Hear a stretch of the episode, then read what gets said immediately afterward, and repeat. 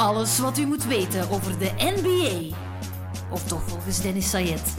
Welkom bij XNO's. Game! What you heard is what you hearing. What you hearing? It's what you hearing. Listen. It's what you hearing. Listen. It's what you hearing. Listen.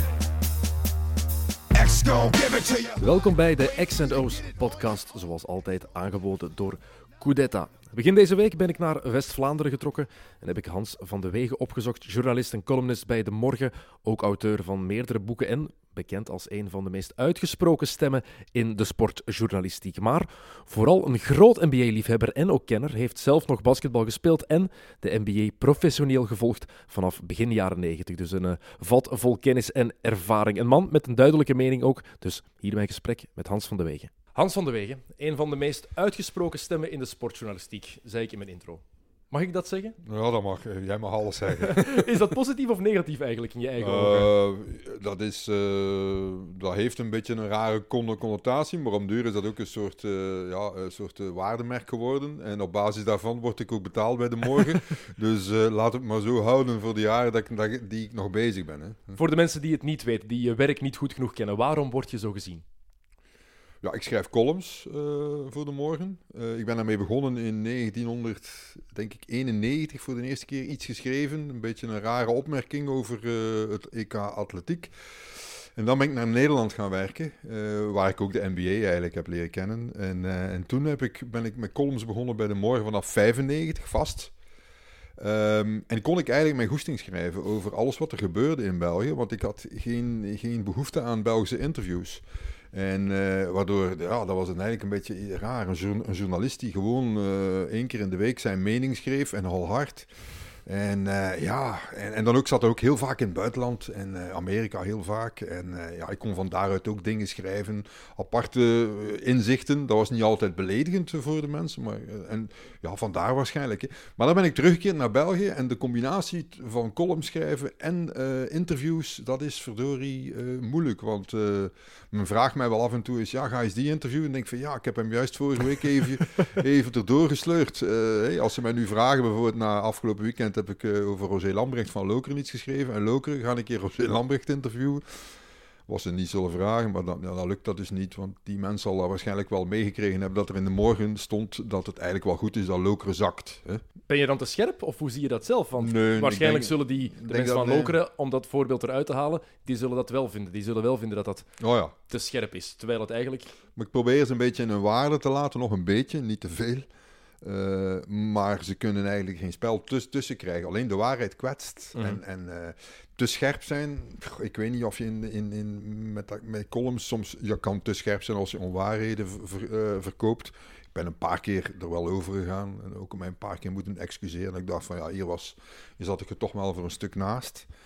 Maar ik denk eerlijk gezegd dat de journalistiek bij ons vaak niet scherp genoeg is. Is dat anders in de States bijvoorbeeld? Als je ja. kijkt naar hoe daar columns geschreven worden, hoe daar, vooral online is het nu, uh, geschreven wordt, hoe daar in podcasts gepraat wordt? Ja, ja in, in Amerika. Ik, ben, ik, ben, uh, ik heb een paar finals gevolgd en dan zat ik dan in die hotels samen met die collega's. En dan zat ik soms in de fitnessrooms met Rick Riley van uh, Sports Illustrated dan. En, en, en nog... En, ik herinner mij nog een van de Chicago Tribune. Ik las, ik, ik die columns. Ik dacht van, oh, fuck man, dat is echt wel zwaar. En ik vroeg hem, ik zeg, ja, hey, uh, hoe doe je dat? Ja, goed, ja, ik doe het enige wat ik doe. Ik schrijf één stukje in de week. Ja, ja, en daarna vroeg ik aan Rick Riley. Ik zeg, ja, en uh, ik zeg, wat doe jij nog behalve dit? Alleen dit. En ik zei, uh, what, what do you get paid? Hij zei, ja, 500.000 dollar per jaar. ik zeg, oké. Ik zeg, gewoon in Colorado en de redactie is in New York. Ja, zei hij. Ja, Snap je? Die, ja, ja. Die, die, man vliegt naar een onderwerp om te kijken wat hij er als column zal over schrijven. Of vloog. Ja, dat is een, maar een totaal andere markt. En dat had ik natuurlijk ook wel willen hebben. Ik heb dat heel leven gehad. Mijn klein Amerika was uh, Nederland. Mm -hmm. in Nederland kom je ineens in een totaal ander landschap terecht, waar ze 25 Olympische medailles wonnen, in plaats van bij ons in, op dat moment uh, drie of vier.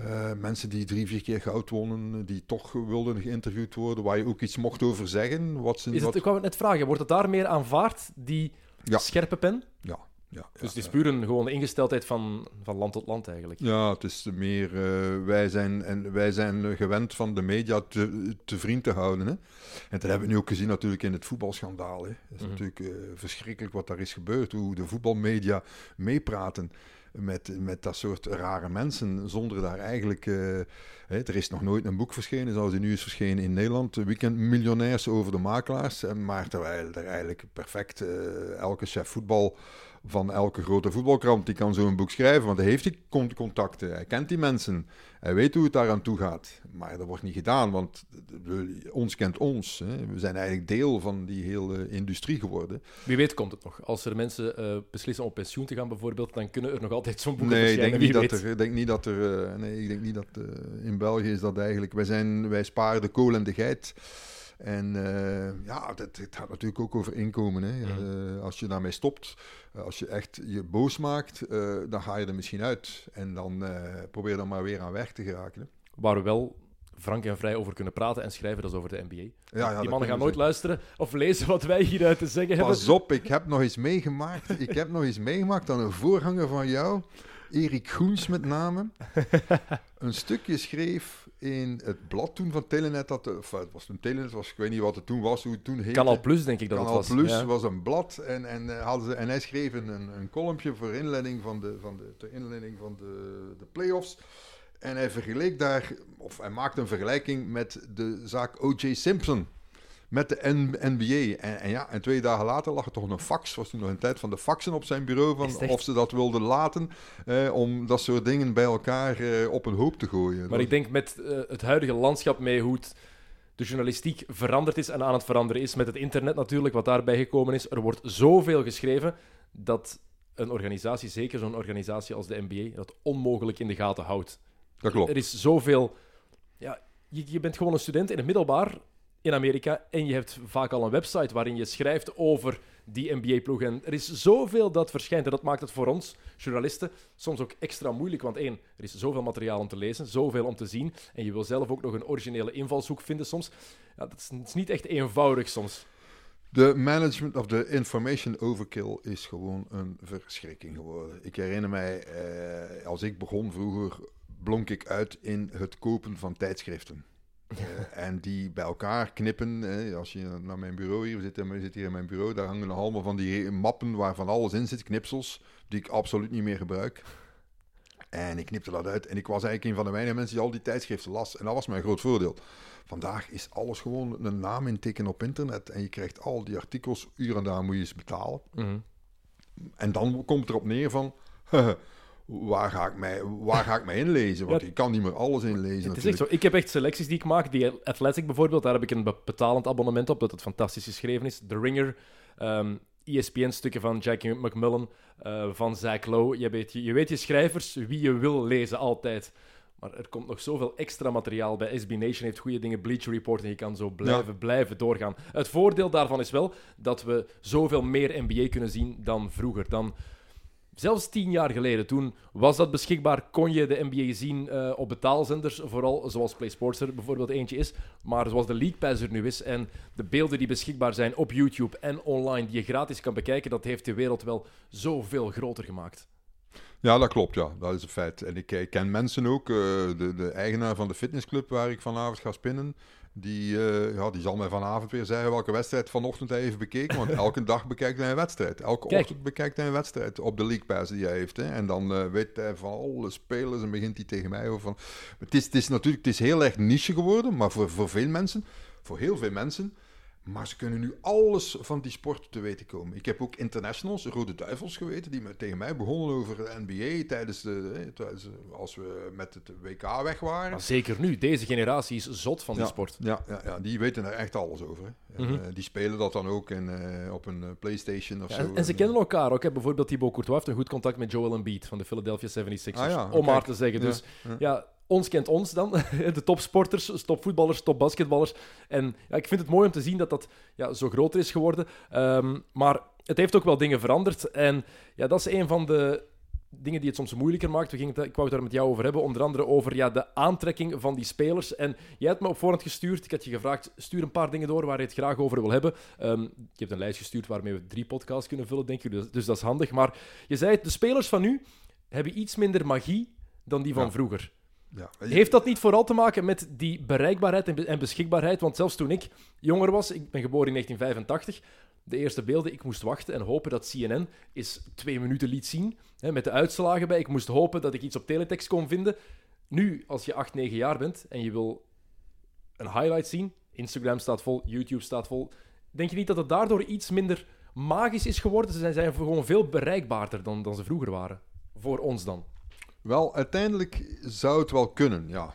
Want er zijn, eh, ze zijn eigenlijk vandaag zelfs meer uitgesproken dan de generatie van eind jaren 80, hè, de, de Jordan-generatie noemen we maar, en begin de jaren 90, die zich eigenlijk heel ver van alles wat pol- politiek is, zou gehouden hebben, altijd. Terwijl nu, als je ziet, eh, Stephen Curry en, en, en, en LeBron James over Trump al allemaal gezegd hebben, en mijn grote vriend Greg Popovich, waar ik een enorme bewondering voor heb, Steve Kerr, ook zo Steve iemand. Kerr, ook zo iemand, ja, ja, ja, maar die was er al bij. Hè. Die was al bij de Bulls. Maar die, maar die al- spreekt zich nu veel meer uit dan toen hij een speler Ja, was, dat bijvoorbeeld. klopt. Ja, als speler was dat eigenlijk een grijze muis. Hè. Mhm. Het enige wat we wisten, dat zijn vader vermoord was in, eh, in Be- Beirut. Hè. Dat wisten we als professor daar Ja. van de universiteit. En verder wisten we daar eigenlijk niks over.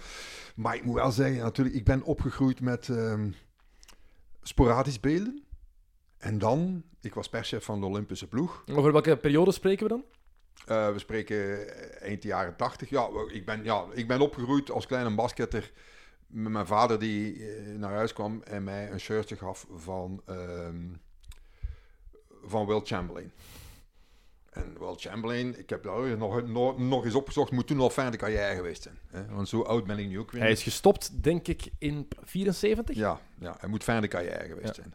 Hè. Eh, ja, en ik zo, ja, wie is dat? Wie is dat? En, en, en, en toen ging ik naar, eh, ging naar de training. En wat de trainer, training van, de, van, van, van onze Amerikaan, van Hellas Gent. Ik speelde bij Hellas Gent, bij de jeugd. En, eh, Wally Prescott heette die. En het was een blanke, maar die kwam van Texas. was eigenlijk een redneck, tot, tot en met. Heel lieve gast, maar een redneck. Dus hij wou eigenlijk niet met veel zwarte spelen.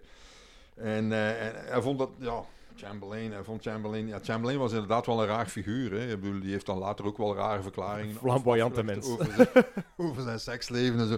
Dus waarschijnlijk wist Prescott al van, dat is een hele rare. Ja, ja enfin, je- je merkt, dat was eigenlijk mijn, maar je wordt daar dan groot mee. Maar dan later probeer je nog beelden te krijgen. Ja, dan krijg je, in de jaren 80 kregen wij bijna niks binnen. Ehm, maar dan, komen, dan ben ik naar de Olympische Spelen gegaan in 92 in, Bar- in Barcelona als perschef. En ik had daar ook wel wat vrije tijd. En ik kon eigenlijk toen kon ik nog overal binnen als perschef. Ik, ging ik, ik heb gewoon de wedstrijden van Dream Team allemaal gezien. Hè. Dat is fantastisch. Ja. Het echte Dream Team, het enige Eén- één Dream Team eigenlijk. Ik, ik heb ze ook in het Olympisch dorp zien toekomen met een bus. Want ze moesten zelf een accreditatie komen halen. Ze hebben daar nooit geslapen. Maar dat was dus een bus waar eh, de helft van de zetels waren uitgehaald. Waardoor ze allemaal een soort sa- salons hadden om, om in te resideren. En één voor één gingen die spelers naar buiten om zich aan te melden. En een accreditatie rond hun nek en dan terug binnen. En af en toe een handtekening gevend in het dorp was dat. eh, waar niemand anders binnen kon. En ik heb dan al die wedstrijden gezien. Dat was natuurlijk magie. Hè? Ik bedoel, eh, Magic was eigenlijk teruggekeerd uit zijn... Uit zijn ehm, Pensioen, ja. ja, want hij, nou, pensioen, hij was ziek, hè? hij had, hij had Ja, maar- AIDS. Maar, in Daardoor is hij op pensioen moeten gaan, in natuurlijk. één keer was AIDS voorbij. Dat was een eerste bij wie de AIDS in één keer over was. En dan, ja, we zag dan, ja, ik bedoel, zelfs, ja, en dan Stockton Malone waren er dan bij. Ik weet niet of die gasten nu nog zouden mee kunnen, maar dat was een, een verzameling van talent. Larry Bird liep daar rond, eh, Magic, eh, Michael Jordan, Scottie Pippen. Ik weet, ik weet nog de wedstrijd, van, de wedstrijd eh, tegen Kroatië, dat ze... Tony Kukoc, die, die, die naar de Chicago Bulls ging gaan, dat ze hem alle hoeken van het veld hebben laten zien. Een keer getoond van, kijk, zo gaat er aan toe in de NBA. Ik denk niet dat het eigenlijk ooit nog goed is gekomen daarna, maar ja, dat. Toch drie titels samen gewonnen, dus het zal wel Ja, ja, een beetje meegevallen hebben. Maar inderdaad, ze hebben hem toen helemaal... Ja, ze wilden echt een statement maken. Hè, Nu, het heeft natuurlijk ook te maken met het feit, ik was daar toen heel vaak. Hè. Ik ben, denk ik, eh, ik heb Michael Jordan 32 keer live zien spelen. Meer dan mijn eigen zoon toen dat hij basketbal speelde. Dus eh, dat zegt veel over mijn vaderschap misschien, maar ook... Het is wel Michael Jordan. Dus Het is Michael Jordan. Is ik heb hem nog tot, tot en met de Washington Wizards gevolgd. eh, Daar ben ik ook nog geweest. En hij herkende mij zelfs nog van toen we lang hebben samengezeten bij de Bulls. Dus, dus ik vond dat eigenlijk, ja... Deze generatie ken ik nu niet. Hè. Ik bedoel, ik ben er nooit, mee, nooit meer geweest. Ik zou nog wel eens willen gaan. In de laatste jaren dat ik eigenlijk in de journalistiek ga werken, ga ik toch nog een keer een tournee doen en, en door Amerika reizen. Ehm, maar toch vind ik, ja, ik vind het, ja, dit was toch anders. Daar zaten er andere ook, ja, dan zat er dan een bij Portland, eh, Clyde Drexler, die niet wilde toegeven dat Michael Jordan een hele goeie was, maar die zat ook in Dream Team. En, en daar kon je dan wel goede interviews Maar mee ik denk dat dat... Ja, je hebt nu meer die, die vriendschapsrelatie die ontstaan is eigenlijk doordat Dwayne Wade en LeBron James als beste vrienden samen zijn gaan spelen. Het heeft heel wat veranderd in die, in die cultuur, die vriendschapscultuur die er meer is. Maar je ziet ook nog genoeg vijandigheid, vind ik. Zeker tegenwoordig. En Russell Westbrook bijvoorbeeld, die om de vijf botten op zijn tenen getrapt is, eh, heeft nu akkefietje met Russell Westbrook, eh, met, eh, wat zeg je, met Joel Embiid bijvoorbeeld. Er zijn er nog wel genoeg, denk ik, die wel wat rivaliteit hebben. LeBron James en Stephen Curry, die komen overeen, maar het zijn ook niet de beste vrienden, om maar te zeggen. Zeker niet op het terrein. Maar die vijandigheid is er een beetje uit, snap ik. Dat mis ik daar ook wel in. Maar ik vind niet dat de individuele spelers daardoor minder magisch zijn. Als je kijkt naar een Joel Embiid bijvoorbeeld nu, de... Het is overdreven, maar de reïncarnatie van Hakeem Olajuwon. Het is overdreven, want het voetenwerk van Hakeem gaat niemand ooit kunnen evenaren. Maar je hebt een Giannis Antetokounmpo. Nooit eerder gezien, zo iemand. Nee. Kevin Durant is een seven-footer, want iedereen staat ingeschreven als LeBron James hebben we ook nog nooit ja, gezien. LeBron James is een combinatie van Karl Malone en Magic Johnson.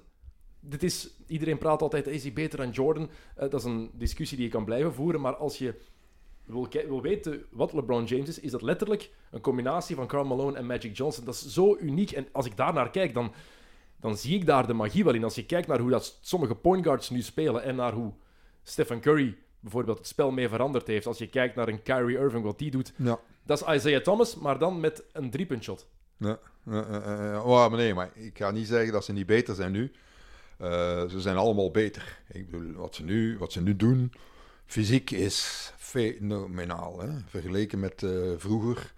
Eh, maar dat heb je in alle sport. Ik heb dat in alle sport. Je ziet dat, Dat is in ontwikkeling gewoon. in NFL ook. Je ziet dat in atletiek. Je ziet dat eigenlijk in... Nee, in atletiek zie je dat nu, nu juist niet. Maar goed, eh, maar je ziet dat in, in heel veel populaire sporten. ook in, bijvoorbeeld in het voetbal. Voetbal is, is veranderd zoals de N- NBA namelijk. Twee keer sneller.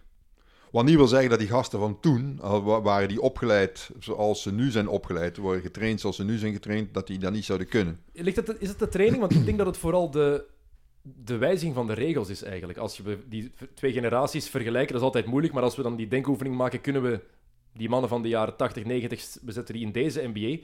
Ja, qua opleiding, die AAU is er, maar is dat beter? Dat is het grote vraagteken. Daar is in Amerika ook discussie over. Maar nu is de regels zijn wel gem- gemakkelijker. Geen handchecking. Dus handchecking is een verschil. dat is gigantisch. Kijk naar hoe. een- ik denk daar altijd aan als ik aan, aan handchecking denk. Derek Harper.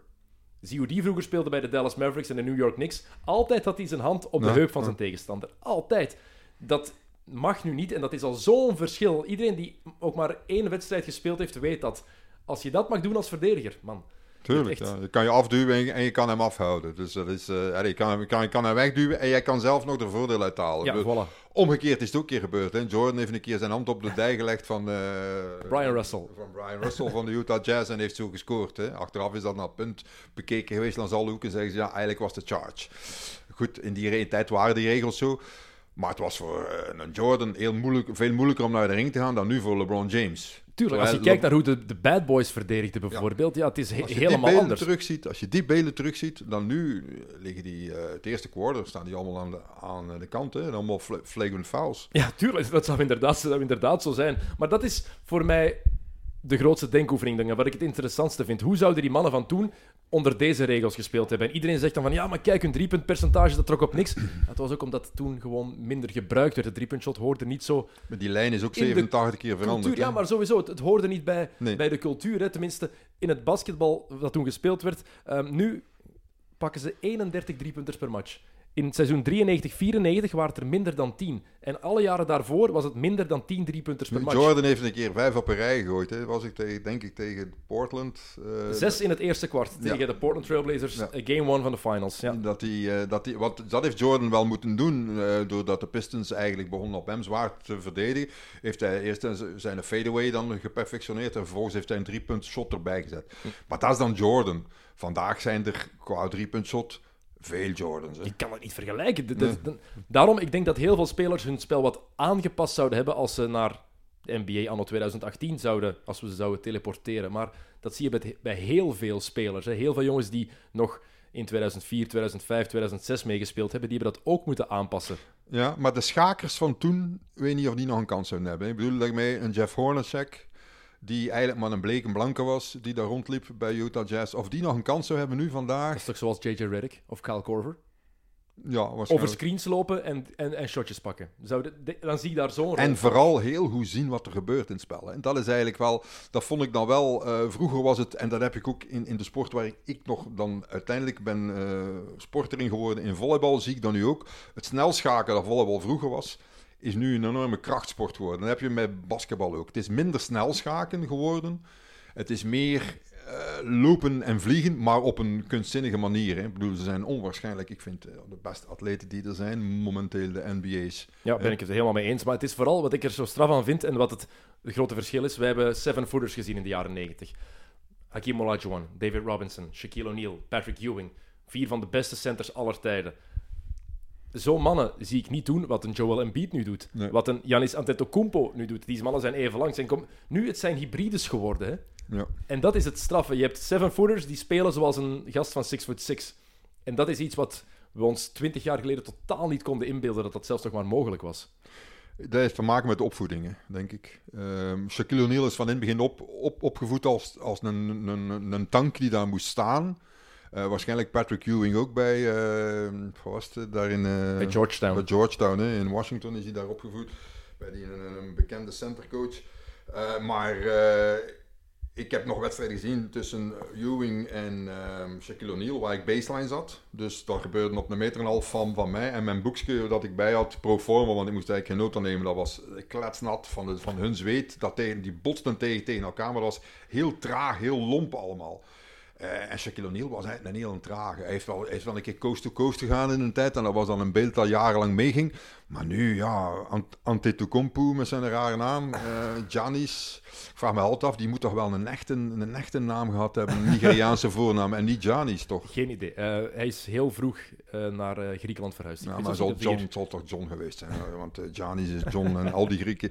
Maar goed, die, ja, dat, dat, nee, dat konden die gasten niet. Maar zouden ze dat nu gekund hebben? Wel, waarschijnlijk zou Shaquille O'Neal heel vroeg zijn opgegroeid en getraind geworden. Zou hij misschien wel een vrije worp gehad hebben. Hè? Een vrije worp gehad hebben. Wat hij niet, dat had, had geen enkel shot, hè, Shaquille O'Neal. Dus er waren onafgewerkte producten, veel meer dan vroeger, die stand hielden. Nochtans is een Giannis Antetokounmpo ook nog geen afgewerkt product. Zijn shot van buitenuit is er ook Nee. nog niet, of nog niet genoeg. Wat wel kan komen natuurlijk, want je ziet dat evolueren. Die techniek is niet zo slecht, maar dat is iets wat inderdaad wel verandert. En het, wat je ook hebt, kijk naar een Anthony Davis bijvoorbeeld, die heeft pas heel laat zijn groeischeut gekregen, opgeleid als guard. En dan verandert dat natuurlijk ook wel. En daardoor, door zo'n gasten en doordat Stephen Curry de NBA mee veranderd heeft, want we mogen dat echt wel aan hem danken, hoe je het ook wil zien. Ehm, nu gaan steeds meer jongeren inderdaad veel vroeger aan dat shot beginnen, ook big guys. En dat is aan het jammeren. De oldschool center is uitgestorven. Tenminste, jammer. Je had het daar straks over Will Chamberlain, over een van de original big guys. George Mikan, daar is het allemaal mee begonnen. Dan Bob Pettit, Bill Russell, Will Chamberlain. Vier van de, de eerste echt grote big guys. Gaan we er ooit nog zo, zo krijgen, denk ik? Want dat vraag ik me echt soms af. Want je hebt nu DeAndre Ayton, de eerste pick bij de Phoenix Suns. En ik denk niet dat hij zo'n oldschool big guy zal worden uiteindelijk. Nochtans heeft hij al die skills wel. Hij gaat zich ook moeten omvormen meer tot een ja, moderne center. Ja, wat, wat- je nu ziet natuurlijk is dat er ook die defense, door, die, door dat atletisch ver- vermogen groter is geworden, zijn die verdedigers aan de andere kant van, eh, van het veld natuurlijk ook veel mobieler geworden. En die, ja, een, trage center heeft geen kans meer. Hè. Die, die, die, krijgt, die krijgt een blokshot. Hè. Of, of, en terwijl vroeger was dat één tegen één, een keer opposten, hup, een keer draaien, hoekshotje. Het hoekshotje van Magic Johnson. Als LeBron James dan, dan nu zou, zou zien, dan, dan, dan, dan tikte dat gewoon weg. Hè. Maar dat is het rare. Ik, het meest onstopbare shot aller tijden, je kan erover discussiëren. Hè? Je hebt de fadeaway van Michael Jordan, je hebt de one-legged jumper van Dirk Nowitzki. Maar de skyhook van Kareem Abdul-Jabbar is het shot... Karim Abdul-Jabbar wel, maar dat was nog iets Ja, langer maar- dan... dan Ik wil zeggen, als je nu laat Giannis Antetokounmpo dat perfectioneren, niemand stopt dat, hè? Ik snap niet dat dat niet, dat dat niet meer gebruikt wordt door een, door een, een big guy.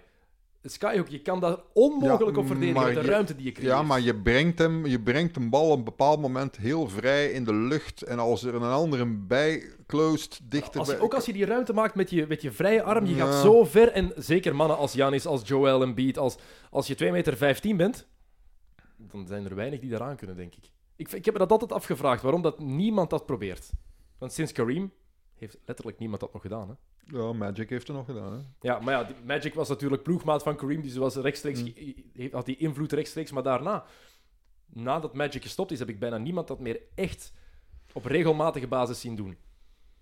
Nee, ik heb er nog een keer, eh, maar dat zal toevallig geweest zijn, Dennis Rodman een paar skyhooks maken. Maar dat zal, dat zal toevallig na een lange uitgaansbeurt geweest zijn, Alles wat. Dennis Eh, Rodman offensief deed, was per ongeluk. Bijna alles wat hij offensief deed, eh, was echt per ongeluk. Ehm, even terug, we hebben het daarnet even over Will Chamberlain gehad. En een vraag die ik aan elke gast stel die de eerste keer op de podcast komt. Ehm, wat was de eerste NBA-wedstrijd die jij ooit gezien hebt? Weet je dat nog? Die je echt volledig hebt gezien? Ik, dat zal, eh, dat weet ik niet meer. Dat weet ik echt niet meer. Want heb je eigenlijk beelden destijds gezien van Will Chamberlain, van Jerry West? Want ik Nee. veronderstel, in die tijd moet het nog moeilijker geweest zijn om, Nee. om beelden te krijgen. Hè? Nee, maar er waren boekjes eh, die door mijn vader, die coach was bij Hellas Gent in de jaren zeventig, ehm, eh, meegebracht werden. Ehm, wij wisten dat wij eh, bekende familie hadden in de Verenigde Staten, namelijk de Van de Wegens, hè, Kiki van de Wegen enzovoort. Dat was verre familie. En eh, dus eh, dat is geleidelijk aan erin geslopen. Ik herinner me, ik denk Supersport was een van die eerste zenders die met wedstrijden kwam. Begin Eh, jaren negentig was Begin de dat. ja. jaren negentig, ja. Dat was ook de zender, dacht ik dan, eh, die dan later is overgenomen door Wouter. Wouter van den Hout is er dan gaan werken, en toen- als hij weggegaan is bij de VRT. Ehm, dan, die gaven dan wekelijks een wedstrijd uit. Dat zal wel iets geweest zijn van de Bulls, want ik was meteen wel. Ik bedoel, ik volgde eh, heel het gedoe rond... ehm, ah, wacht, ik ben wel... Nee, dat moet ik wel zeggen. Nee, het is juist, ik ben...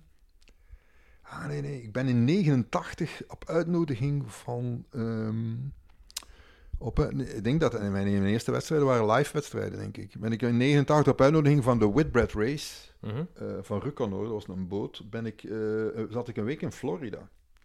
En ben ik gaan kijken naar een wedstrijd, eh, niet van de Orlando Magic, eh, maar van de Miami Heat. Toen, ze net, toen ze net ons, eh, waren, waren ja, begonnen ze dan. heten, ze heten nog anders, geloof ik, toen zelfs. Want ze hadden die geen andere naam, dat weet ik niet meer juist. Maar ik heb toen wat wedstrijden. Ik heb toen ook in, was het in 92 of 93, Geert Hamming geïnterviewd. Oeh, ja. De backup center van Shaquille O'Neal bij de Magic.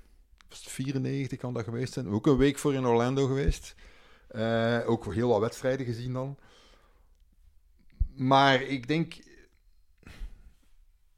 Als, als ik me goed herinner, zal toch wel een van de eerste wedstrijden die ik gezien heb, zullen die van de Dream Team geweest zijn in Barcelona. Dan is het meteen een goede om te beginnen. Ja, ja, maar ik wist, ik, wist, ik wist waar ik naar keek. Dus eh, ik wist wat ik moest zien. Maar we, hadden, we konden flitsen zien. Niet meer niet. Want, ah ja, wat je, wel, wat je wel moet weten, ik weet niet of je dat weet, maar er was, zat een fanaat van de N- NBA ten noorden van ons natuurlijk, Mart Smeets. Ja. En die bracht heel veel op de NOS al. Maar Rick Smit speelde daar al. Dus daar zagen we op de NOS zagen we wel beelden af en toe, maar er waren kleine samenvattingen. En Mart Smeets, dat was zijn hobby, die ging op kosten van zijn, van zijn werk. Gewoon ging die een maand in de...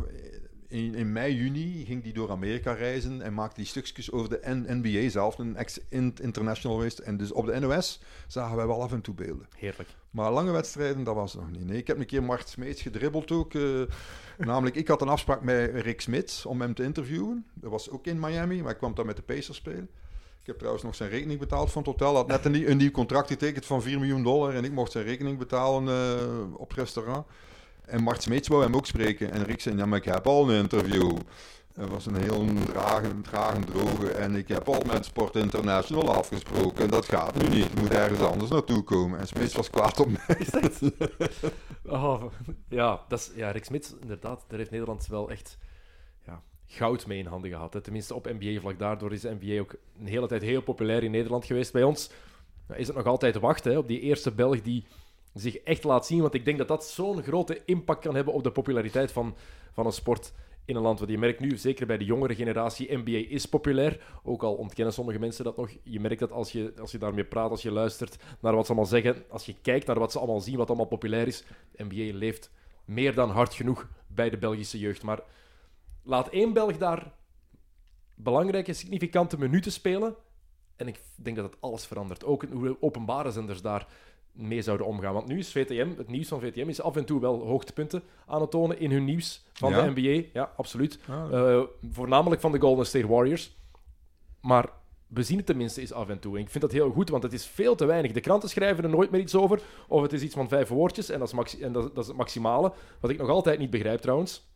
Waarom ze dat niet opnieuw zouden doen. Ehm, waarom ze blijven vastgeroest zitten in enkel voetbal en wielrennen. Ik snap dat dat het meest populair is in België, maar ehm, je horizon verbreden. Ik vind dat ergens ook de job van de journalistiek om mensen dingen te leren kennen en te laten ontdekken. Ehm, maar je gaat mij niet in een depressie storten. want, eh, dat is iets wat ik al jaren zeg en wat ik ook heb geleerd in Nederland en wat ik heb meegenomen in Nederland en wat ik snel heb moeten afgeven. Namelijk, eh, wij gaan aan de lezers of aan de kijkers aanbieden, een product aanbieden en zeggen van kijk, kijk daar nu eens naar. We gaan jullie niet opvoeden, maar we gaan wel tonen wat het topsport is. En we gaan altijd naar een groot toernooi kijken, ook al doen we daar niet aan mee. Hè? Maar wij gaan alleen maar naar Wimbledon op het moment dat onze twee meisjes goed spelen. Zijn we hebben geen meisjes meer en jongens, dan gaan we niet meer naar Wimbledon, we gaan ook niet meer naar de Australian Open. Dat Oké, het is financieel ook natuurlijk. We mogen dat niet te kort door de, mogen Nee, niet te kort door de bocht gaan. Het financiële plaatje komt daar ook bij. Het is voor, voor VRT, V- VTM 4 niet evident om rechten te kopen. Dat kost allemaal veel geld, dus dat speelt ook een rol. Maar ik snap je punt wel en ik vind dat ergens ook, ook moeilijk. Ik ken de details niet van waar die zenders voor moeten betalen. Dus ik wil me daar niet te hard over uitspreken. Maar als ik dan... Ik weet de NBA, dat de NBA veel beelden aanbiedt, omdat zij, het, zij willen dat de mensen kleine stukjes zien, zodat het grote product wordt gekocht. Als je die kans krijgt, neem die dan ook. En over iets schrijven, dat is wel altijd gratis. Je kan altijd over iets schrijven. Je moet een journalist betalen, maar voor de rest, het kost niet veel geld om... Erik Goens had vroeger bijvoorbeeld elke week een column, denk ik, in het nieuwsblad, het laatste nieuws. Ik weet zelfs niet meer waarin het was. Elke week had hij een stukje waarin hij schreef over de NBA die week.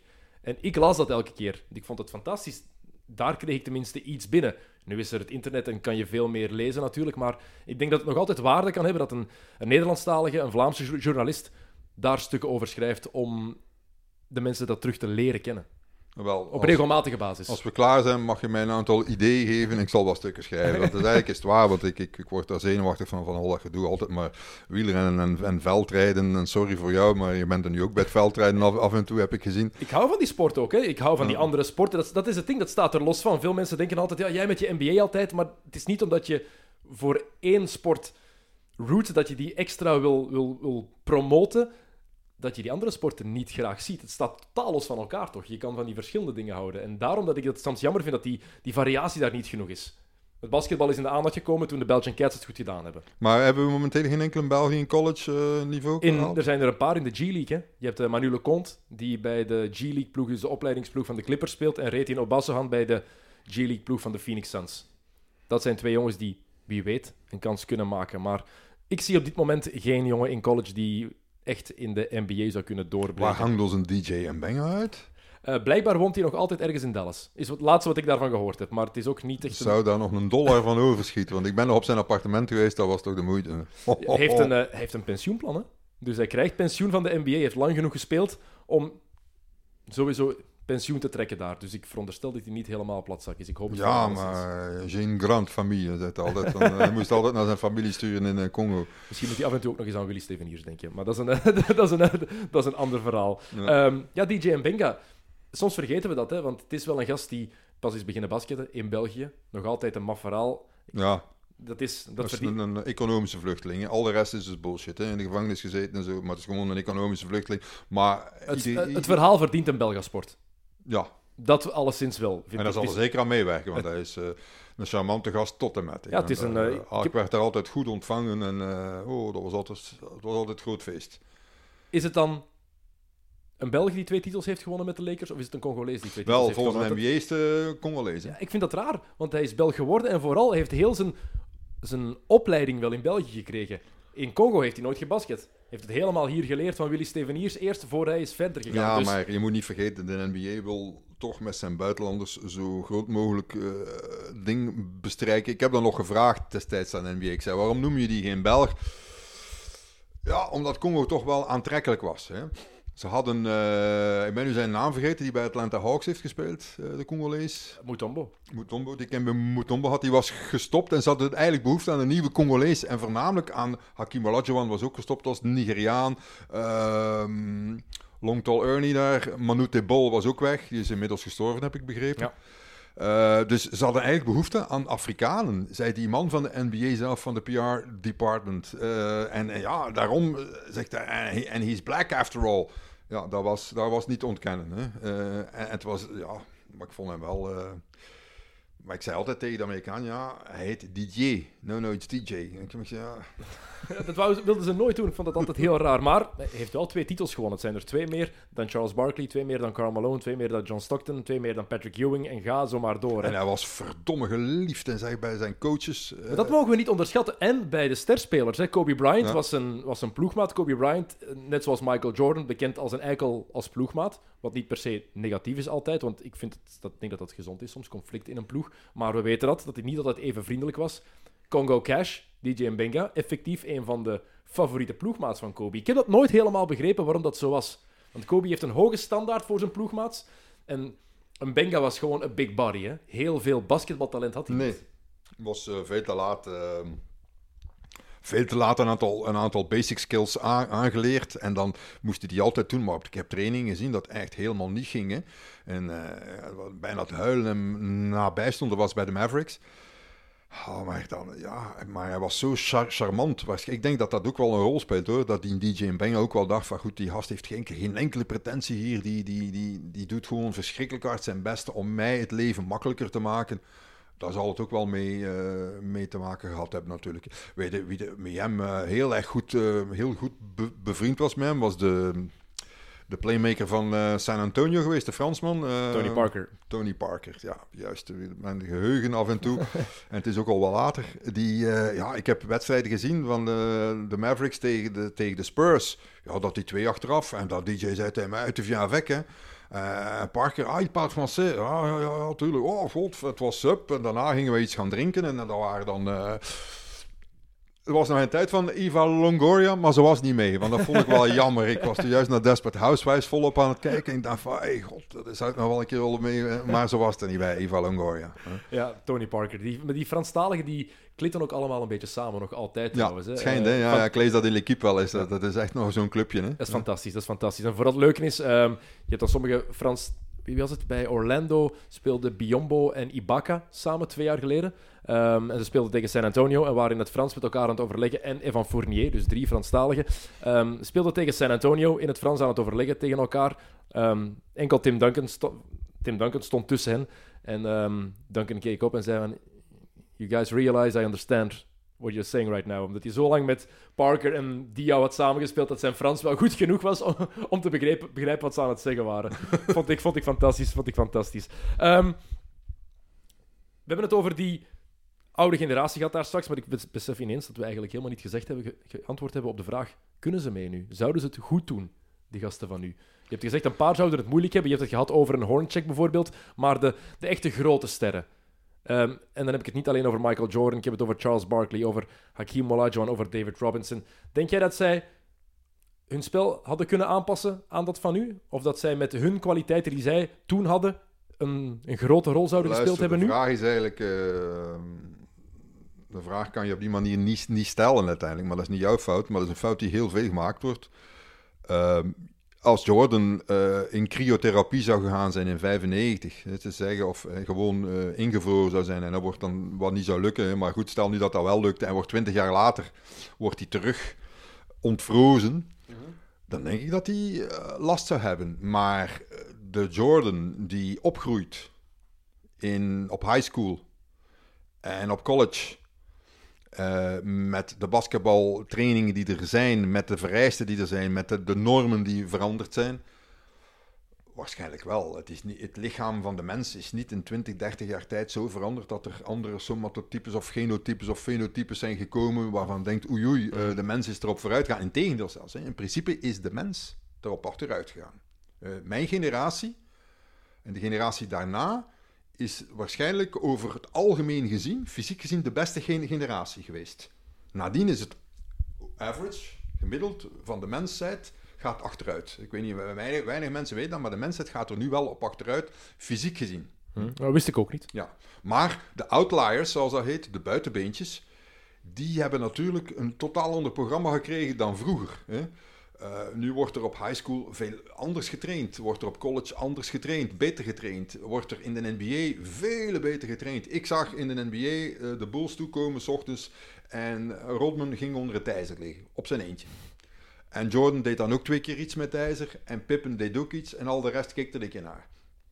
Horace Grant had er geen goesting voor. Vandaag zie je zoveel trainers, zoveel kines, zoveel veel betere behandeling, um, middelen die ze gebruiken, hè, die, ze, die hun spieren versterken, al of niet illegale middelen, wat vroeger eigenlijk ook maar amateurisme was. Dat is allemaal veel beter geregeld nu in die Amerikaanse sporten. Mhm. Het is niet zo dat de mens uh, in 20 jaar tijd 20 kilo is, bij, is bijgekomen. Maar de NBA-spelers en de NFL-spelers zijn 10 à 15 kilo bijgekomen. Maar zijn ook veel sneller geworden. Dus ik denk dan een Jordan met zijn inzicht van zijn spel. Uh, een Karl Malone met zijn inzicht. Een John Stockton zelfs, een klein blank manneke. Uh, Steve Nash. Vond ik ook een fantastische speler. Absoluut. Ik denk dat die mannen van de jaren 90, want Nash was al wat later. Um, ik denk vooral die mannen, van, als we kijken naar die mannen van de jaren 80, 90, Magic Johnson, um, zelfs een George Gervin, Charles Barkley in zijn prime. Um, wie hebben we nog? Dr. Clyde J, Drexler bijvoorbeeld, Julius Dr. Irving Dr. J, Olajuwon. Ik denk dat die allemaal met gemak zouden mee kunnen nu. Ja. Zelfs als ze gewoon hun kwaliteiten hadden van toen.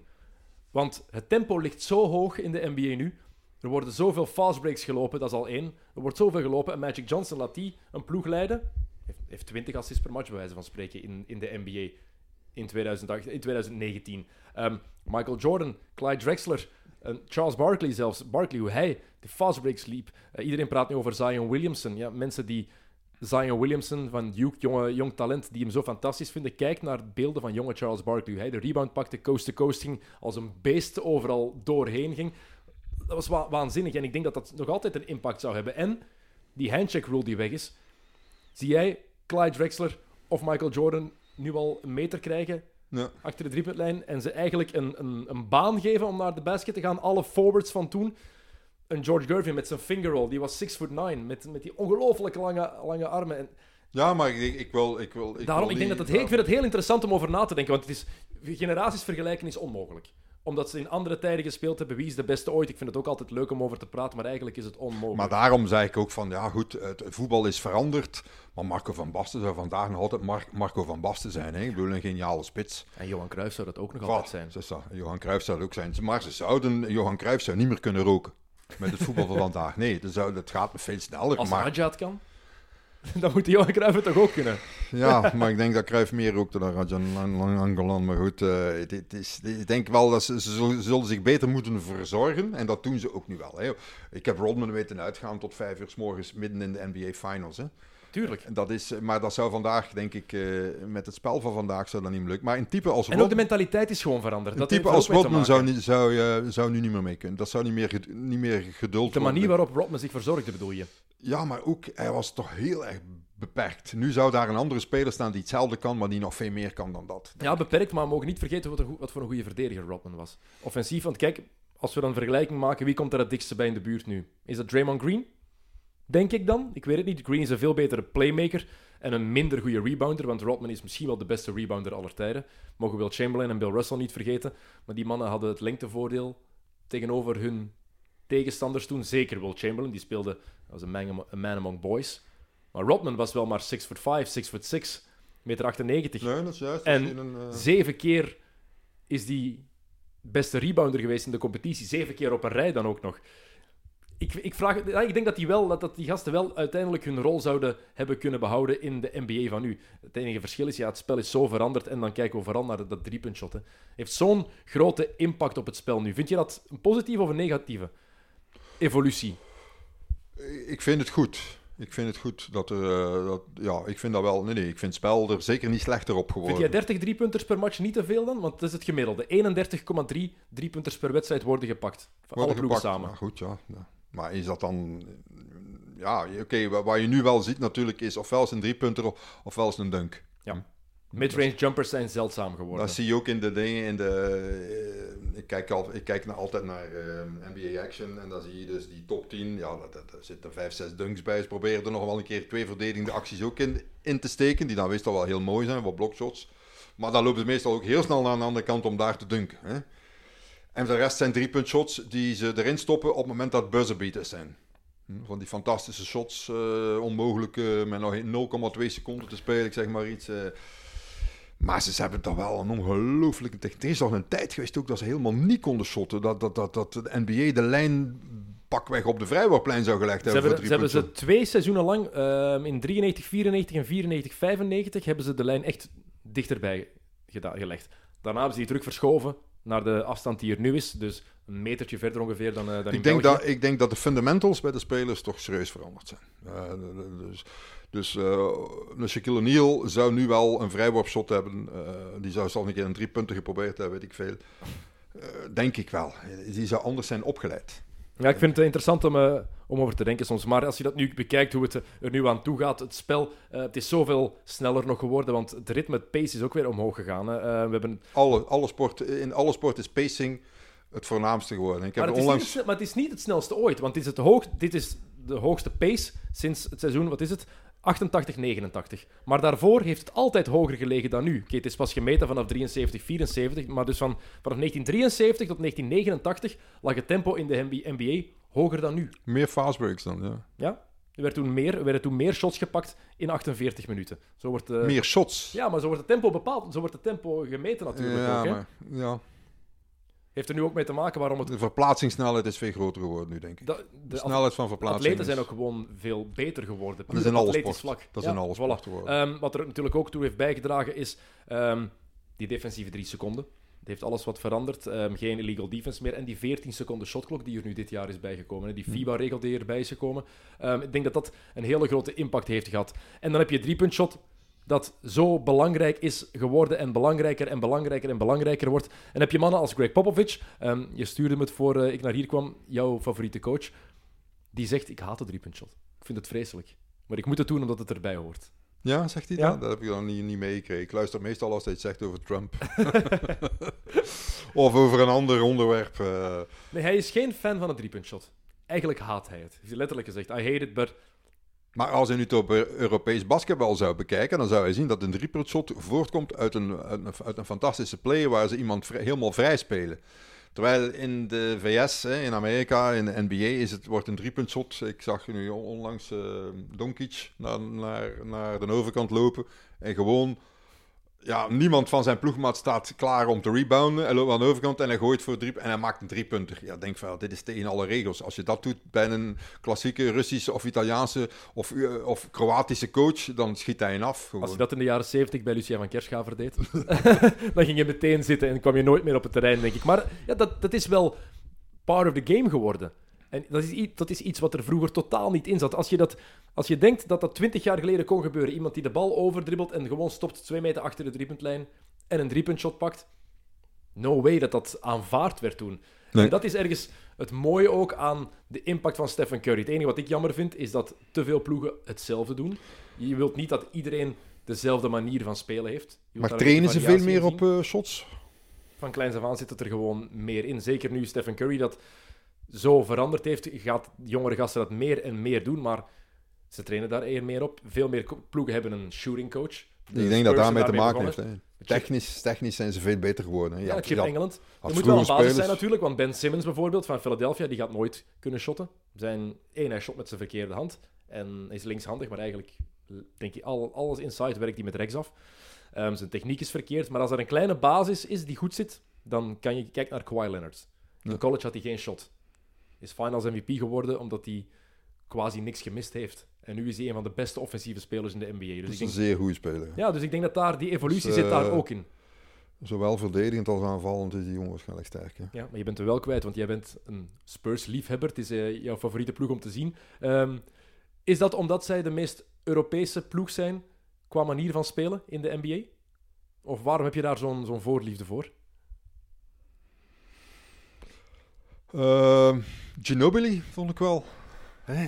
Dat vond ik, en, Toch de individuen. de toch? combinatie Ginobili, Popovic. Maar ik ben daar ook een paar keer geweest. Als ik in... ehm, ik ben Lance Armstrong gaan interviewen in 2003 of 2004, ik weet niet meer, bij hem thuis. En ik moest daar eigenlijk heel lang zitten om, om te wachten tot, eh, tot ik bij hem mocht. En dan eh, had ik mij laten accrediteren voor een aantal wedstrijden. En van Austin naar San Antonio is dat niet zo heel ver. Denk ik een uur of twee rijden. En dan ging ik naar, naar die wedstrijden kijken. En eh, er was één preseason game bij, dat weet ik nog. En dan een, een echte eh, wedstrijd. Ja, dat was een heel andere sfeer, San Antonio. Dat was eh, relax. Dat was eh, oké. ah, oh, great. Ah, van Belgium. ah, great. Ja, terwijl als je bij de Knicks kwam, dan was het altijd zo van... Oh, fuck, we gaan je een accreditatie geven omdat, we denken, eh, eh, omdat je niet hebt. Maar eigenlijk verdiende dat niet. Onnozelaar, zoiets in die zin. Ja, het is een gigantisch verschil. Ik vond Ik spreek San, ervaring ook. Alle in New York en in San Antonio geweest. Ja. San Antonio vond ik... Ja, en, en ook gewoon... Ja, ik heb die, die pre-game press conferences met Popovic meegemaakt. Nu, ik heb ook wel goede herinneringen aan bijvoorbeeld Phil Jackson. Die, eh, als ik, eh, ik herinner me nog voor een wedstrijd dat ik daar zat eh, in de perszaal. En er kwam iemand naast mij zitten, maar ik keek niet op, want ik was nog op die blaadjes aan het kijken die ze daar allemaal uitdelen met al die onwaarschijnlijk veel stats. En ehm, ineens keek ik op en zat Phil Jackson mee te lezen over mijn schouder met de, met de blaadjes. Ik zeg, oei, zeg, these are, these are your stats. Ja, maar zegt, dat is geen probleem, leg ze hier een beetje in, in, in, het, in het midden. En nou, wat komt u doen? En, enfin, Popovic was ook zo'n type, niet dat hij bij mij is goeie, goeiedag komen zeggen, maar als je daar een vraag aan stelde, dan kreeg je meestal wel een antwoord. Eh, ja, maar ja, die manier van... Maar dat waren ook rustige jongens. Hè. David Robinson was een heel opgevoede gast. Tim Duncan was een heel opgevoede gast. Er zaten daar eigenlijk bij wijze van spreken geen tattoo guys bij in die tijd. Ja, nu wel.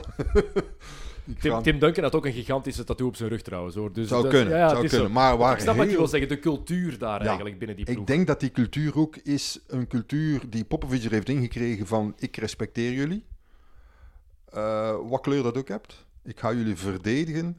Eh, maar jullie gaan toch een aantal regels van mij hier aanvaarden. En, en, en, en heel die club, die draaide daar eigenlijk op, vond ik. En, Tony, en Tony Pa- Parker was ook zo. hè. Zijn pa kende ik wel. Hè. En, eh, En even hard, dat is Popovic een geheim ook ergens geweest, hè, is even hard tegen Tim Duncan als hij tegen nu Davis Bertans is bijvoorbeeld. Is het altijd nummer 1 tot met nummer 15. Hij gaat niemand anders behandelen. En dat is wat wel uniek is in de NBA, denk ik. Als je kijkt naar hoeveel ja, sterren toch wel een speciale behandeling krijgen, dat, dat zie je niet vaak dat dat zo, zo wordt gedaan zoals hij dat nog altijd doet. ja, maar hij is natuurlijk dan ook wel een soort mythe geworden. Hè. Pop. Popovic als coach, ja, Het is, maar het is vooral door de mens Popovic, denk ik. Ja, vijf titels gewonnen en ja, heeft zijn speelstijl, wat is het nu, vier keer aangepast. Ehm, onder David, met David Robinson en, en Tim Duncan eerst, Twin Towers, en Tim Duncan alleen, dat hij de man was. Dan de balmovement, Tony Parker play, eerst nog, ja. en dan alle balmovement waarmee ze hun laatste titel hebben gewonnen. En dan nu, met DeMar DeRozan en LaMarcus Aldridge, mid-range game, de enige ploeg die nog wel veel mid-range shots pakt. En dat is het knappe aan Popovic, hij kan zich elke keer aanpassen, iets wat bijvoorbeeld Phil Jackson niet kon. Nee, maar Phil Jackson was volgens mij ook geen echt grote coach hoor. Nee? Oeh. Nee, ik denk eerlijk gezegd dat daar. eh, nee, ik denk dat hij een aantal spelers gehad heeft die hem voor. voor- nee, ik denk niet Maar dat. die, die spelers hebben nooit gewonnen zonder Phil Jackson. Het is Jordan nooit gelukt zonder Phil. Het is Kobe niet gelukt zonder Phil. Ehm Shaquille O'Neal heeft het gedaan met Pat Riley. Dat ene jaar. Pat Riley ook geen al te slechte coach natuurlijk. Ik denk dat je meer naar de samenstelling van de spelersgroep moet kijken, toch ook hoor, soms. Maar die groep, als je dan kijkt naar de Lakers bijvoorbeeld, met Kobe en Shaq, die ploeg was ook al eh, vier jaar samen toen Phil Jackson daar kwam. En dan toch slaagt hij erin om van die ploeg dat, meer dat geheel te maken, wat hij bij, bij de Bulls ook heeft gedaan. Want on- onder de Collins lukte het niet. En dan komt Phil Jackson daar. Ja, maar Game ze, 7 eruit tegen Detroit, jaar daarna kampioen in zijn tweede seizoen al. ze groeien, ja, ze- ja, maar ja, ik weet niet. Ja, die triangle offense, ja, het zal allemaal wel. Maar ik, ik heb. Ik stel altijd mijn vragen. Ik heb altijd mijn vragen over de impact van de coach op het spel, dan wel het spel op de coach. En hoeveel is daar geluk bij van die gasten. hè? Ik denk dat de combinatie van de twee is. Want als je kijkt naar Golden State bijvoorbeeld, daar was de Golden State van nu met Clay Thompson en Stephen Curry, die basis vooral, de, de Splash Brothers. Dus even niet aan Kevin Durant denken. Mark Jackson heeft daar de basis gelegd. Heeft daar de basis van die defense gelegd. Heeft gezegd van, beste backcourt duo in de NBA Zijn Thompson en Curry voor iemand daar nog maar een beetje van geloofde, werd toen weggelachen, letterlijk. Nu weet iedereen wel beter, dat is effectief het beste backcourt duo in de NBA. Ehm, en Steve Kerr komt daar omdat het niet lukt voor Golden State om dat extra stapje te zetten. En Kerr slaagt er in zijn eerste jaar meteen in om alles helemaal te doen klikken. Dan kan je toch niet ontkennen dat de coach daar ook een beetje een impact in heeft. Al is het al gewoon want om de, van de al cultuur. Is, al is het gewoon inderdaad de, de, de, management van het player personnel. Hè? Dat zal inderdaad wel geweest zijn. Ze, ze laten samen spelen. Inderdaad, wat Phil Jackson wel heeft gekund, is die Rodman een beetje onder controle houden bij de Bulls. Wat Chuck Daly bij Detroit ook wel kon. Ja. Toen Ja. was hij nog niet helemaal gestoord. Nee, dat is juist. Dat was, eh, nee. Maar goed, dat was... ik heb- ja, eh, ik vind de coaches ook nu ietsje bleker geworden dan, dan vroeger. Vroeger waren het toch meer... eh, ik heb Larry, Brown nog zien, eh, zien zitten naast het zwembad naast mij met een sigaar, een Cubaanse sigaar van denk ik wel een halve meter. Ik, over, ik overdrijf een beetje. En dat was pre- pre- pre-game, eh, twee uur voor de, drie uur voor de wedstrijd, zat hij een dikke sigaar te roken en dat was een figuur. Ja, ik denk van ja, dat zijn dat waar. Maar misschien bekijk ik dan nu ook weer verkeerd. Hè. Kerr is dan misschien ook nu, ze, ze gaan er wel sneller uit, vind ik. Ik vind wel onze, eh, onze Italiaan nog wel eh, oké, die ehm, bij de Spurs ook, assistentcoach. nee, in Europa gespeeld heeft en die, eh ik ga op zijn naam niet komen. Mike D'Antonio. Ja, ja, Mike D'Antoni, ja, ja. Die vind ik nog wel. Die is ook al een heel oude man geworden nu. Ik heb die nog weten spelen onder, met Milaan hier in Gent op, Met de, op Kobe, de finals. met Kobe Bryant zijn vader. Ja, juist. Met Joe Belly Bean Bryant die daar speelde. Ik heb die nog weten spelen. En die spelen toen in het nieuw gebouwde Flanders Expo, de finals.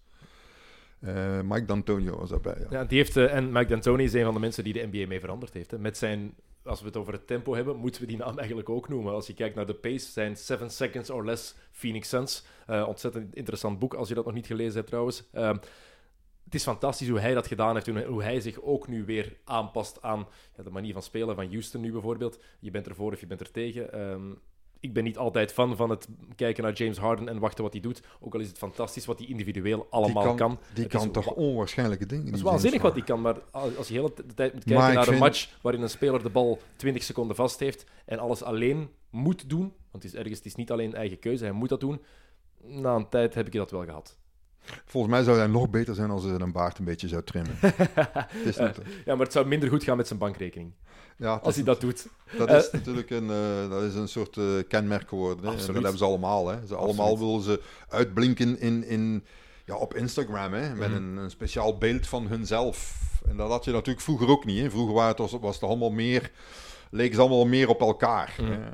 Maar die coaches vind ik ook interessant wat je zegt, want ik ben, ben op dit moment bezig met een, eh, een documentaire eh, te bekijken, Basketball A Love Story. En het gaat nu vooral over de jaren 50, 60, 70. En als je kijkt wat voor figuren daar bij de coaches waren, Red Holzman, ehm, Red Auerbach natuurlijk, hè, de, de godfather bijna, die letterlijk ervoor zorgde dat de bezoekers alleen maar koud water hadden, of dat de verwarming op 50 graden stond, ehm, die zijn sigaar al opstak voor de wedstrijd voorbij was, om zijn ploeg, om de tegenstanders wat te jennen. Fantastisch wat voor figuren dat waren. Maar ik denk dat dat tegenwoordig ook moeilijker is geworden. It's a players league. De coaches zijn maar bijzaak. Sommigen, zoals Popovic en Kerr, kunnen wel zo'n grote rol spelen, maar ja, dat is... In het, het publiek heeft geen interesse in de coaches. Hè? Het zijn de spelers die tellen. Ja, ik weet bijvoorbeeld niet meer wie dat de coach was van eh, Cleveland bijvoorbeeld. Hè? Ehm, Met nu is dat Drew. Die heeft LeBron. overgepakt van Tyron Lue. Larry Drew is daar nu de Ja, coach. maar wie was de coach als LeBron James daar? eh, Tyron Lue heeft daar eh, titels kijk. gewonnen. Tyron Lue van de Lakers vroeger. Ja, en daarvoor ja, David. Blatt een jaartje.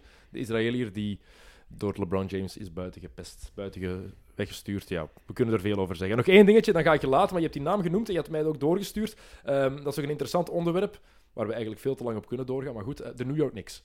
Ja, De meest, ja, je, je had het over Phil Jackson, je had het over de vergelijking New York en San Antonio. Ehm, de meest waardevolle club van de NBA. Er is geen Ja, enkele club ik heb vanochtend waard. nog in de les eh, gegeven. Ik heb gezegd van ja, ik zeg, het is de club die 50 jaar niks heeft gewonnen. Die eh, maar af en toe een keer in de playoffs sukkelt. En dan eigenlijk ja, een keer een final gehaald heeft. eh. In 1999 was de laatste keer de finals. 99, 94 en de titels 73 en 1970. Nee, dat is En toch, wat is er nu? 3,4 miljard waard, denk ik. Ja. Eh, heeft 140 miljoen dollar winst gemaakt. Maakt elk jaar zoveel winst. Eh, Oké, ze hebben natuurlijk eh, een Madison Square Garden Dat is het, hè? network. maar ja, die, die eigenaars. En dat is het fascinerende aan de NBA. Ehm, ik ging naar de finals van de Utah Jazz tegen Chicago Bulls. En de eigenaar van de Utah Jazz mocht de laatste wedstrijd niet bekijken, omdat het een hormoon is. Hè? Het is een hormoon, dus die mocht niet kijken op, was op zondag zeker, weet ik veel. En uh, die uh, laatste wedstrijd, game, die was, ging de laatste woord, was game 6. En uh, die zei van toen in een radio-interview, zei hij ja, ik zou heel graag hebben dat wij kampioen spelen, maar voor de business, ook onze business zou het toch beter zijn, moest Michael Jordan zijn repeated repeat doen. Hè? Dus opnieuw kampioen worden. En die verslaggever die wist, was meteen mee. Van, ah ja, natuurlijk, ja, uh, ja, zegt hij, want dat zou in, in, in, merchandising, terms of merchandising, terms of TV contracts, zou dat, en, en terwijl wij, zegt hij, wij zijn een bescheiden team uit, uh, enzovoort, enzovoort. En dat is met de Knicks ook, ik denk dat de Knicks, maar moesten de Knicks nu kampioen worden? Oh. Het team van hè, Madison, zou op Madison Avenue, waar al reclameagentschappen zitten, de Madman zouden er gek van worden. Tuurlijk. Maar de eigenaars zijn, zijn nu al content, ze maken gewoon winst. Maar, maar, de eigenaar van de Knicks is een grap. James Dolan is een van de grootste grappen in de NBA na Robert Sarver van de Phoenix Suns. Die twee zijn zo'n wanbeleid, want dat is het probleem bij New York. Hè. Het wanbeleid van één Isaiah Thomas, wat hij daar gedaan heeft daarvoor. Um, ik weet niet wie het ervoor was. was maar Phil ook... Jackson heeft daar ook gezeten. Hè? Wou ik net zeggen. En Phil Jackson daarna heeft het nog erger gemaakt. Die was zelfs aan het, aan het opperen om Kristaps Porzingis te traden. Zijn beste speler. Zijn... Ja, kom. Um, en het straffe is, toch blijft iedereen daar naartoe gaan, want het is in Madison Square Garden en het is een attractie. Hoe slecht die ploeg ook is, die zaal is altijd uitverkocht. Maar ik denk dat die een keer moeten mikken op een een of andere gigantische superster. Daarom, ze zijn het aan het proberen. Eindelijk hebben ze door, hè. Ze weten eindelijk hoe ze moeten verliezen. Zodat ze volgend jaar hopelijk ah. Zion Williamson kunnen hebben. Ja, ja, maar het is nog niet zeker. Hè? Ik bedoel, het is niet zeker omdat als je laatste wordt, dat je daarom als eerste mag kiezen. Hè? Nee, want de kans op een top 3 pick is wel groter. Je hebt 14% kans op een top 3 pick en denk dat je maximaal, als je het slechtste record hebt, maximaal vijfde. Maar er zijn er veel hoor, die, uh, die gewoon heel slecht spelen. Want dat was in een tijd, heb ik, die, dat jaar heb ik ook nog meegemaakt, dat ze begonnen verliezen na februari. Dat je dacht van, wat is er hier aan de hand? Nu beginnen ze daar al mee in december. Hè? Ja? ja? Ja, absoluut. Nu beginnen ze daar al mee in december. Kijk naar de standings. Chicago, Cleveland, New York. zijn drie van die ploegen. Atlanta. Drie van die ploegen die gewoon denken, ja, we gaan voor jong talent. Ja, ja, die misschien heel, heel veel spelers ook minuten geven, omdat ze dan kunnen mee opleiden enzovoort enzovoort. En denken van, eh, als we volgend jaar een goede draft hebben, voilà. dan... Uh, maar eh, de Knicks, dat is, dat is eh, een van de sleeping giants van de internationale sport. Uh, want als die echt groot zouden worden, het niveau halen die de Lakers haalden hebben een paar keer... Uh, die Chicago Bulls gehaald hebben. Chicago Bulls is trouwens nummer twee hè, van Moneymaker in de NBA, nog altijd. Hè. En daar is het, ook, het beleid ook een grap, de laatste tien jaar. Dus, maar daar komen nog altijd zo heel, zoveel mensen kijken. En ik heb begrepen ook van de mensen die ik daar ken, ik ken Belgen die daar wonen, dat er nog altijd heel veel toeristen naar Chicago komen ook Europeanen, en dan de wedstrijd van de Bulls willen zien. Tuurlijk. Het is nog altijd Chicago. Hè. De mensen die in de jaren negentig basketbal een beetje gevolgd hebben, en vooral, je, zei het, je hebt al een paar keer verteld, de Spelen van 92. NBA is internationaal bekend geworden dankzij Dream Team, dankzij die Olympische Spelen in Barcelona. Wie was er toen on top of his game? Michael Jordan met de Chicago Bulls. Dus dat is gewoon de ploeg voor de Europeanen, voor, voor de, bijna de hele wereld buiten de VS, die synoniem staat met de NBA. Zeker die die periode hebben meegemaakt. De jonge gasten die het nu allemaal volgen, dat is natuurlijk anders. Ik denk Golden State, Cleveland, de Lakers, die hebben zoveel meer opties. Maar daarom denk ik dat dat een grote reden is. En ja, New York, ik blijf het ook tegen iedereen zeggen hoor. Als je in New York bent, ga maar eens kijken van de Knicks. Ja, maar die zijn slecht. Ja, maar het is Madison Square Garden. Het is Madison Square Garden. Het is Mecca. Ja. En dat is heel raar om uit te leggen, maar... En je ziet niet dat de zaal er is, hè, want ze zit in de grond. De zaal. Het is fantastisch. Het is, ik vind het echt... Ik ben verliefd op die zaal. Echt. Maar ik, ik, ik, heb, ik heb me al te pletter gezocht naar eh, beelden van de eerste... Want eigenlijk de eerste zaal stond op Madison Square, hè? Ja. En Madison Square is niet waar het nu staat. Nu is Penn, Penn Station waar Dit is de derde Madison Square Garden, denk ik. Ze hebben dit, ik denk dat dit de derde zaal is. De die eerste stond op Madison Square en die is eigenlijk gebouwd ten tijde nog van de... Die is eigenlijk gebouwd, heel weinig mensen weten dat, voor wielrennen. Hm? Het zesdaagse wielrennen. Ja, ja, en wist het ik niet. ploegkoers. Vandaar de Madison. Ploegkoers heet Madison Internationaal op de Olympische Spelen. Gaan zien Madison staan, dat is de ploegkoers. En dat is genoemd naar Madison Square Garden. Okay. Madison Square Garden is gebouwd voor het zesdaagse wielrennen. En dat was zes dagen wielrennen door één man. Dat was nog niet, niet voor basketbal. Hè? Dus het, de ene man moest zes dagen een stuk rondrijden. Wie het minste sliep, de meeste pillen pakte, die won. Hè? Dat was, uh, dat was het originele Madison Square Garden was een houten hal op de, een oval eigenlijk, op Madison Square. Een pleintje dat nu nog steeds bestaat, maar nu is volgebouwd. Nu is daar geen plek meer voor. Maar je kan nog zien in Gangs of New York, in die film Ja. met eh, DiCaprio. Di- DiCaprio en, Ja. en, en, en eh, Daniel Day-Lewis. Zie je beelden nog van het zogezegde oude Madison Square. Dat was een heel eh, ruwe volkswijk en daar hebben ze die hal gezet. Dat is fantastisch. Dat, dat wist ik niet. Ja, Ah, dat is mooi, Madison dat is mooi. Square Garden, ja. Ja, en het is natuurlijk het mekka geworden doordat college basketbal daar zijn eerste grote toernooien is beginnen spelen. En daar is beginnen boomen. En iedereen wilde zijn talent laten zien in Madison Square Garden, in de mekka, zoals het dan daarna eh, begon te, te, te heten. Hè. Ehm, als de Knicks echt succes krijgen, is dat dan inderdaad, wordt het dan de grootste club die er is in de wereld? Nee, de grootste club in de wereld is eh, Real Madrid. Hè. Ja, oké. Op basketbalvlak dan natuurlijk.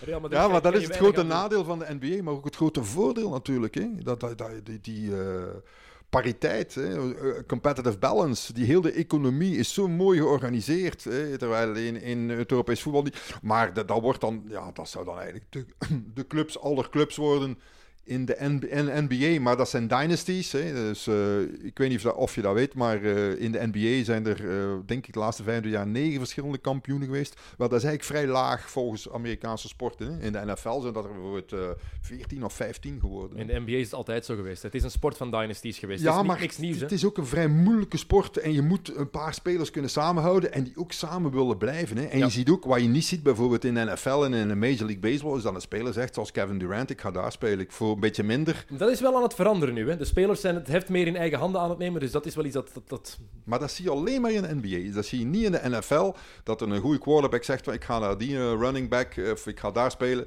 En daar gaan ze mij, of een running back zegt van met die wil ik wel spelen. En het gaat over eh 5 miljoen minder, maar mag, kan mij, maakt mij niet uit. Ik wil ringen. Ja.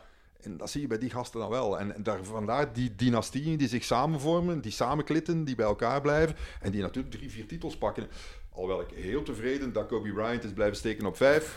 Dat LeBron James er nooit aan de zes gaat geraken van Jordan. Want dan blijft Jordan de nummer één. Hè. Ik heb al gezegd, Jordan is de nummer één aller tijden. Daar gaat niemand aan geraken. En na mijn dood mogen ze een andere kiezen. Maar nee, maar Jordan zijn impact was zo groot. Ook als... Ik heb een terugkeer van Jordan gezien. Hè. Dat, dat, dat, was, echt... Ik, op de luchthaven, dat was... Dat was God, hè. Jezus was teruggekeerd hè, op aarde. Ik heb het toen geschreven, de biggest comeback... De grootste comeback sinds Jezus Christus. Ik heb er nog verschrikkelijk vol in mijn voeten gehad van alle katholieke organisaties die mails begon te schrijven. Of brieven begon te schrijven. Dat was toen nog een tijd van de brieven. Eh, echt, dat was... eh, ja, maar dat was ook zo... Dat was, maar dat is vandaag niet meer. Dat kan niet meer. Moest LeBron James nu twee jaar stoppen en dan zou terugkeren, dan zouden mensen... Oh ja, LeBron James is terug. Maar Jordan, dat was... Die was teruggekeerd, hè. Terug op aarde gekomen, hè. Ja, het is ook goddelijke status. En vooral, hij was ook gestopt na amper negen jaar. Ehm, of hij het nu deed omdat zijn vader was vermoord, of hij het nu deed omdat hij geen motivatie meer af had, of omdat hij nu geschorst was voor zijn gokgedrag. Het is allemaal een optie. Ik geloof nog ergens een klein beetje in die complottheorieën. Normaal zit ik zo niet in elkaar, maar ik zie dat David Stern nog wel doen om Maar gewoon wat, wat, wat vooral is, hij, sta- hij staat daar boven, hè. de Wings poster, ja. Was een onwaarschijnlijk mooie mens, hè. Dat was een onwaarschijnlijk mooie gast. Eh, ook op het laatst nog, hè. Dat was, bedoel, met de Wizards. Die kop. Ik heb daar foto's van de persconferentie, dat ik denk van... Dat is, was een, oké, dat hangt aan een andere ook, waar zijn tong, uit zijn mond... Uh, de cover van, van, uh, van L'Equipe is dat. Ja, oké, dat is lelijker. Maar het was echt, als die gekleed binnenkwam, die schreed binnen. En LeBron James is dan toch weer zo een, ja, een soort tank, een aangeklede tank, vind ik. Uh, die een baard, maar heeft ook dat bozige van die zwarte Amerikaan over zich, wat Jordan zich altijd ver heeft van gehouden, want uh, dat was pol politiek. Jordan mocht niet politiek zijn. Nee, want wat zei altijd? Republicans buy shoes too. Ja. Ja, en dat is het. Ik ben als je er ooit niet meer bent en ik ben er nog wel, ga ik je Jordan-werk uh, verder zetten. Want ik ben het daar helemaal mee eens. Ook zo opgevoed natuurlijk. Maar langs de andere kant, wat ik dan het enige jammere aan Jordan, is net dat. Dat ik weet niet of Jordan, Jordan al, al, iets heeft gezegd over Trump nu bijvoorbeeld. Blijkbaar doet hij dat. Uh, blijkbaar doet hij heel veel dingen achter de schermen en wil hij niet dat de mensen dat weten. Doet hij heel veel met zijn, met zijn goede doelen, maar is hij gewoon niet geïnteresseerd in zijn mening te laten horen over politieke doeleinden. Langs de andere kant is zo'n tijd waarin ik vind dat dat wel. Maar voor... zijn merk Nike, waar hij een groot aandeelhouder is. Jordan is een apart merk geworden. Ja, gewoon. maar zijn merk Nike heeft zich al uitgesproken tegen dat soort figuren. Mhm. Stephen Curry Steve, heeft zich uitgesproken. Maar dat dan- en dat is wat LeBron James een van zijn grootste kwaliteiten voor mij is naast het veld. Want op het veld kan je over discussiëren. Het is fantastisch hoe hij het kan blijven volhouden. LeBron James is de grootste naam sinds Kareem Abdul-Jabbar dat back in the day deed. Bill Ja. Russell was ook zo iemand. Oscar Robertson sprak zich altijd uit. Jim Brown van de Cleveland Browns in de NFL. Ja, ja, ja, Eh, waren- Ali natuurlijk. In die tijd daartussen, vanaf 1980 schat ik ongeveer, vanaf dat Reagan aan de macht is gekomen, is dat niet meer zo hard nodig geweest als nu. Er zijn natuurlijk genoeg dingen gebeurd. De, de rellen die er geweest zijn in LA begin jaren 90 bijvoorbeeld, altijd wel iets. Maar hoe het er toen met in de gemeenschap aan toe ging. En als je naar nu kijkt, ja, in die tussentijd is dat minder, werd dat minder gevraagd van de spelers. Nu wordt dat meer verwacht. En dan heb je ook een grote naam als, als LeBron, die zich daar effectief heel duidelijk over uitspreekt. En ik bewonder dat enorm dat hij Ja, dat durft. het feit dat LeBron is en niet ene die vijf minuten krijgt. Voilà, exact. In de NFL gaat niemand Colin Kaepernick achterna. Waarom? Ja, het was op dat moment een reserve quarterback. Maar LeBron James is wel de nummer 1, hè? of de nummer 2. Laten we het dis discussiëren. Aller tijden, hè? Ja. Niet zomaar nu, maar aller tijden. Dat is waanzinnig. Ja, maar van het moment ook. Hè? Ik bedoel, Ja, je hebt ja, misschien tuurlijk. nu ene die nog meer impact heeft, die misschien meer titels gaat winnen. Goed, eh, maar, maar LeBron James is wel inderdaad eh, nummer 2. Niet, niet nummer 1, hè? dat is nummer 2. Eh, maar Kobe Bryant is ook, was ook niet slecht hoor. Nee, nee, maar ik, ik vind gewoon dat over dat uitspreken, dat is het mooie daarvan, inderdaad, over dat, mensen, dat hij dat durft om een, een statement in te nemen en vooral te beseffen wat zijn impact daar ook van is. Wat Kareem Abdul-Jabbar, toen de beste speler, daarvoor Bill Russell, toen de beste speler, Muhammad Ali, the greatest of all time, Jim Brown, de beste running back of all time waarschijnlijk. Hoe zij dat deden als zo'n grote naam in hun sport, dat is nu meer en meer en meer. En dat vind ik heel knap aan deze generatie en ook van LeBron James. En daardoor heb ik ontzettend veel bewondering dat hij zich eigenlijk niks aantrekt van zijn merk. En van wat hij nog zou kunnen verdienen. En als Nike hem niet had gesteund, had hij zich daar niks van aangetrokken. Want dat is zijn standpunt en hij vindt het belangrijk om zo voor zijn generatie en voor de volgende generaties op te komen. Het was toch Stephen Curry ook die tegen zijn eh schoenensponsoring ging, tegen Under Armour? Ja. Tegen de eigenaar die zich achter Trump schaarde en die zei van, oh, dat gaat... Het, Ja, was, moet- het was kiezen. moet het wel durven, hè? Ja, absoluut. Maar dat dan vind weet ik je, wel heel knap, ja. en Dat dan vind weet je ik ook echt, hoe sterk dat je staat. Voilà. Goed, Hans, ik ga je laten, want eh, we zijn al even bezig intussen. Ehm, ik denk dat er nog genoeg onderwerpen zijn om een tweede podcast eens op te nemen. Eh, ik wil je eerst en vooral hartelijk bedanken. Dat was een eh, eh, fijn gesprek. eh, en ik wil jullie bedanken om te luisteren. Vergeet het niet om u te abonneren op de podcast. En geef ons zeker een like. En ik denk donderdag komt er ook nog een DM-podcast aan. Tot